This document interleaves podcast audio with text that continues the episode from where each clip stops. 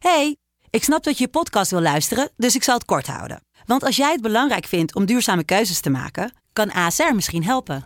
Nou hoor ik je denken, hoe dan? Nou, bijvoorbeeld bij het duurzaam herstellen van schade. Of de premies die we beleggen volgens ons duurzaam beleggingsbeleid. Dat bepaalt waar we wel en juist niet in investeren. Wil je meer weten over welke duurzame keuzes ASR maakt? Ga dan naar asr.nl slash duurzame keuzes. ASR doet het. Zo, dan kan je nu lekker naar je podcast luisteren. Stroom.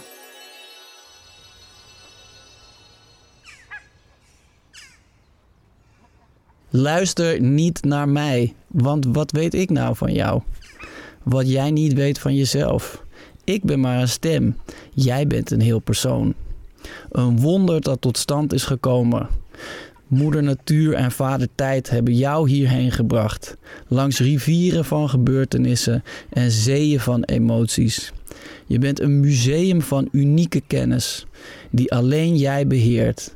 De sleutels tot je kern, ferm in je bezit. Jij weet hoe het zit. Jij weet hoe het hoort voor jou. Elke beslissing die je neemt is de juiste. Ook al is het soms niet de juiste. Ik wil alleen nog zeggen dat ik weet dat jij alles kan. Maar ach, waar praat ik over? Jij weet dat al lang. Je luisterde naar professionele tips voor een comfortabel leven. Ik hoop dat je wat aan deze tip hebt gehad. Dat je de boel even de boel hebt kunnen laten. Heb jij zin in nog meer fijne podcast?